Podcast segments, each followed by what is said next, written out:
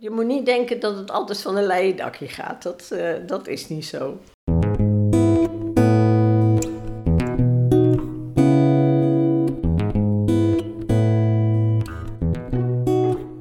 Hoi, goed dat je luistert en welkom bij deze podcast, waarin ik in verschillende afleveringen in gesprek ga met vrijwilligers die werkzaam zijn bij Sirenlo. Ik spreek hen over hun motieven om dit werk te doen en ben benieuwd naar hun verhaal en ervaringen.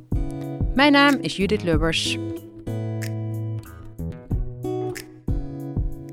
In deze aflevering praat ik met Marie van de Velde, die al 19 jaar vrijwilliger is bij Sirenlo. Aan het begin van ons gesprek vraag ik haar waarom ze met vrijwilligerswerk is begonnen. Na het afkeuren ben ik, eh, heb ik besloten om toch iets voor de maatschappij te gaan betekenen en niet thuis te gaan zitten. En heb ik me laten testen. En daar kwam dit uit, of met kinderen, of met verstandelijke beperking, of met ouderen. En dan op het creatieve vlak. Uiteindelijk terechtgekomen bij uh, mensen met een verstandelijke beperking. Het sprak me heel erg aan om, dat, om daarmee aan de slag te gaan. Oké, en je bent als vrijwilliger ook meteen in een creatieve rol gestapt met gehandicapten? Ja, ik ben als vrijwilliger gelijk in de creatieve rol gestapt. Dagbestedingswerkzaamheden en met een beroepskracht samen. Heel erg leuk om met de handen bezig te zijn. En om mensen ja, vrolijk te zien worden van datgene wat ze doen. En een uitdaging aan te bieden, dat vooral ook. En nu, voor de coronatijd moet ik eigenlijk zeggen, uh, zat ik op het atelier, papier-maché atelier. En uh, maakten we papierpulp en uh, schaaltjes. Ja, eigenlijk wat voorhanden was, maar wel met één persoon. degene waar ik nu mee werkte, dus waar ik het laatst mee werkte, die had een lichamelijk en een verstandelijke beperking. was wel nog redelijk communicatief. Dus, en ook in voor grapjes. Dus dat zijn, ja, het, is allemaal verschillend. Ze zijn allemaal heel verschillend. Uh, dus, maar uh, ja, met kunst en vliegwerk elkaar kunnen verstaan. En uh, ook, ook even een, een leuk moment tussendoor. En heel knuffelig zijn ze ook.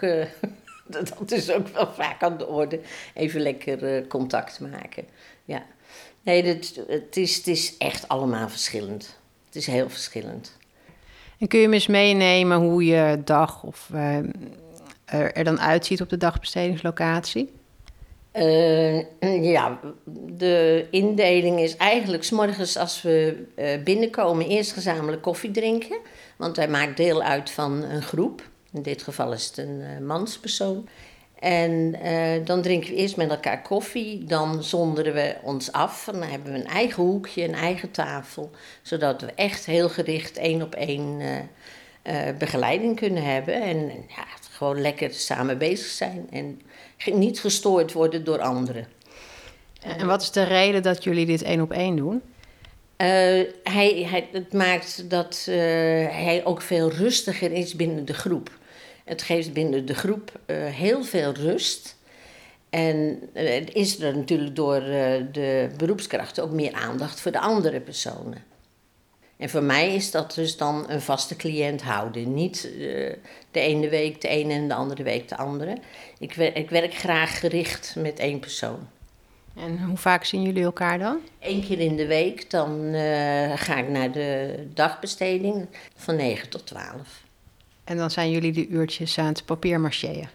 Ja, dan maken we de pulp en dan maken we ook papiermaché schaaltjes. En zijn dit dan uh, creatieve projecten of uh, ook, ook dingen die bijvoorbeeld voor de verkoop bedoeld zijn? Uh, de, wat gemaakt wordt, zijn echt niet alleen creatief, maar worden ook verkocht. En ja, worden geschilderd. Zo heeft ieder zijn eigen taak. Er zijn erbij die schilderen en er zijn erbij die maken, werken het echt helemaal af. En nu hebben we het over schaaltjes. Wat ik met hem doe, is een schaaltje maken bijvoorbeeld.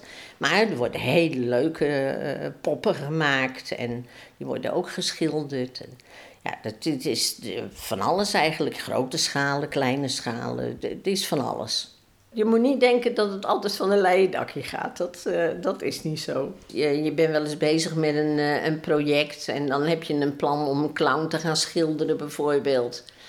En uh, dan krijgt iedereen daar een opdracht in. En dan is de clown die komt aardig tevoorschijn.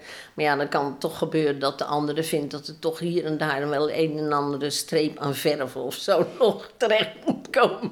Dus nee, het gaat, gaat niet altijd. Maar goed, het mag. Dat, de creativiteit is vrij, hè? Dat is zijn eigen beleving. Ja. ja. En hoe ga je daar dan mee om? Met humor ook? Ja, tuurlijk. Tuurlijk. En, en, weet je, je kan, kan proberen om het te herstellen. Want er zitten natuurlijk, als je in een groep werkt, zitten er ook bij die daar dus heel erg boos over worden als een, een, werk waar je mee bezig bent, waar je intensief mee bezig bent. En als daar iets mee gebeurt wat eigenlijk niet moet, ja, dan reageert iedereen verschillend op. Nou, dan probeer je toch een klein beetje de situatie weer te redden. Dat, dat moet toch wel kunnen, ja. en um, het contact met deze meneer, hoe is dat? Ja, dat is ontzettend leuk. Dat is heel spontaan en ja, ook uitdagend is die af en toe. Dus ja, het zijn gewoon dingen. Ja, soms moet je corrigerend optreden.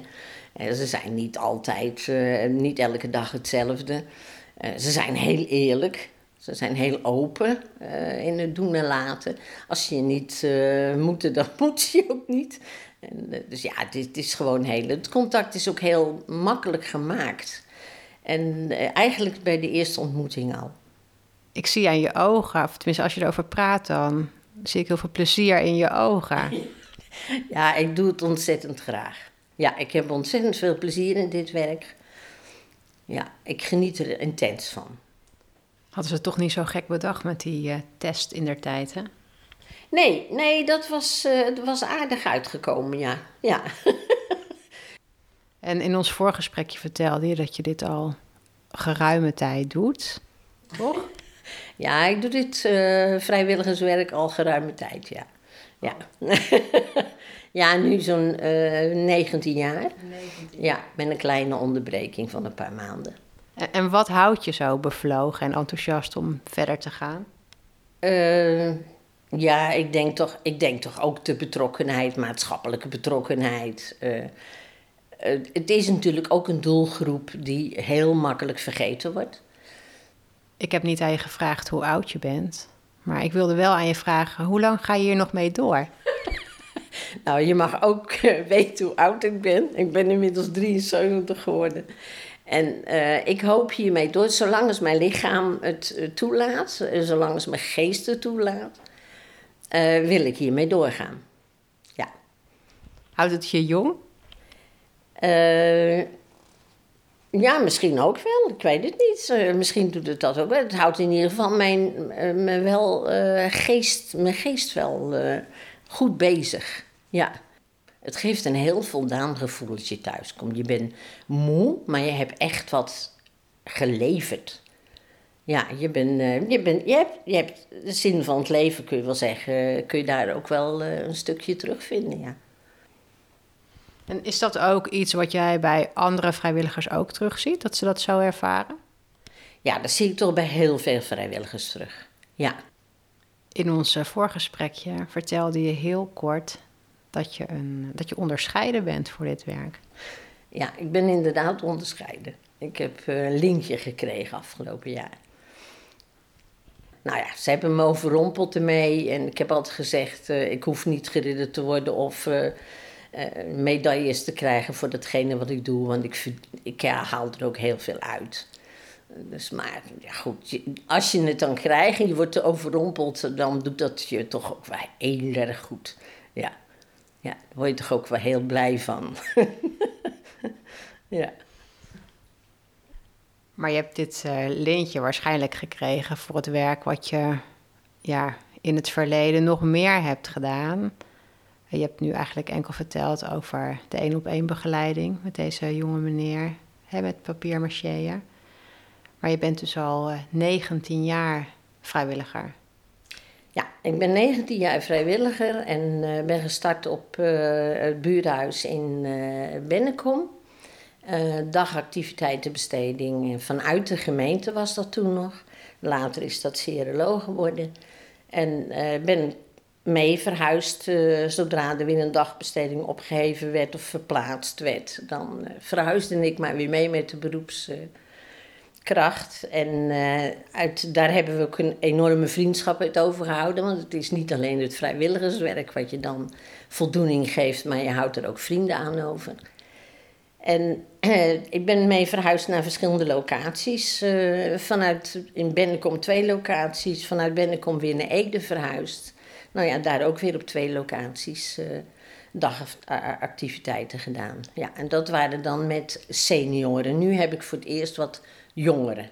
Maar dat waren dan met senioren en met mensen met een beperking, Down-syndroom en dementie. En kun je nog iets zeggen over die specifieke groep? Ik kan me voorstellen dat dat heel anders is dan zo'n jongen waar je dan nu mee werkt. Ja, en uh, überhaupt de Down-syndroom, dat, dat is natuurlijk ook, er zijn, ze zeggen altijd van ze zijn allemaal lief. Nou, dat is echt niet waar, want ze hebben best wel een eigen karaktertje. Uh, maar de dementie, wat, wat ik gezien heb in uh, mijn periode, heb ik een paar meegemaakt. En het dementeren gaat dan ook heel snel. Ze worden nog soort extra afhankelijk.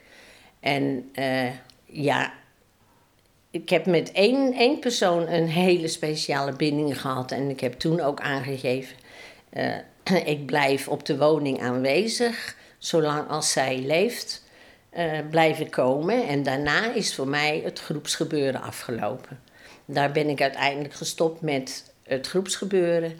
En heb ik aangegeven later dus één op één uh, te gaan begeleiden. Maar dit is, is een geweldige ervaring om te zien dat ze je niet meer bij naam kennen, dat ze je niet aan kunnen spreken, maar dat ze precies weten als je binnenkomt uh, wie je bent en dat armen in de lucht gaat en dat er geknuffeld wordt en ja, dat emoties, enorm veel emoties loskomen. Ja, dat is prachtig om te zien. Dat is heel erg mooi. Maar ik zie dat het jou ook wel emotioneert. Ja. Het eh, nog altijd. En, en, is dat de herinnering aan deze mevrouw? Of, of ook dat het je zo raakt dat het, dat het, ja... Nou, dat is vooral dat je deel uit mag maken van zo'n laatste stukje. Ja. Dat is... En, en dat het ook zo gewaardeerd wordt door de familie. Want dat is, dat is natuurlijk ook haar moeder leefde nog, haar zusje is er nog. En als je, als je dan ja, daar ook die warmte van ziet, dat is geweldig. Ik raad het iedereen aan. Ja. ja. Je, komt, je komt zo dichtbij eigenlijk uh, ja, in, in uh, de belevingssfeer van, uh, van de persoon. En je, je ziet ook het verdriet van ze, want in het begin hebben ze best door dat het wat minder wordt. Je ziet ook het verdriet van ze. Maar ja, ja het is, het is, ik kan het eigenlijk slecht onder woorden brengen. Het is een gevoel, het is een intens gevoel. Ja, het is jammer dat je dat eigenlijk niet onder woorden kan brengen. Nee, ik kan het niet onder woorden brengen. Dat, ik zou zeggen, mensen gaan het ervaren. Dit is, uh, ik geloof dat het het mooiste is wat je kan overkomen in je leven. Als je dit aan kan. Ja, ik word er inderdaad heel emotioneel van. ja. Maar als je, als je dit, dit aan kan, is dat erg mooi om te doen. Ja. En wat moet je in je mars hebben om dit werk te kunnen doen? Je hoeft alleen maar gevoel te hebben. Je moet vanuit je hart werken en verder niet. Nee, de beroepsmatige kant, je moet je niet met zorg gaan bemoeien. Je moet uh, alleen maar bezig zijn met datgene waar jij sterk in bent. Ik kom hier puur en alleen voor extra aandacht. vind het ook een hele mooie, zuivere intentie waarmee je daar dan heen gaat.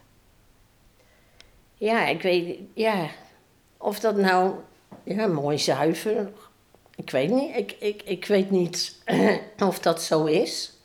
Is het ook niet een beetje voor jezelf wat je doet? Het is niet alleen maar mooi natuurlijk. Het is ook iets wat je voor jezelf uh, doet. Misschien heeft het te maken met uh, mijn opvoeding. Ik kom uit een warm nestje. Misschien heeft het daarmee te maken. En is de zorg voor anderen ook altijd gestimuleerd? van huis uit? Ik heb het uh, enorm, ik heb vanuit huis uh, meegekregen er te zijn voor anderen. Ik kom uit een groot gezin, ben de jongste uit een groot gezin. En er is mij altijd voorgehouden er te zijn voor anderen, luisterend oor voor anderen. Aanschuiven aan tafel als het nodig is. een welkom. Iedereen is welkom. Mijn vader heeft ooit tegen me gezegd: uh, Je hoeft geen christen te worden, dat verlang ik niet van je, als je maar een humanist blijft. Nou, ik denk dat dat de mooiste woorden zijn die je mee kan krijgen. En ik denk ook dat dat gelukt is. Nou, dat, dat hoop ik wel. Ik doe nog steeds mijn best. Ik doe nog steeds mijn best. Ja. Dankjewel. Graag gedaan. Ja. Nogmaals dank Marie voor het delen van jouw verhaal.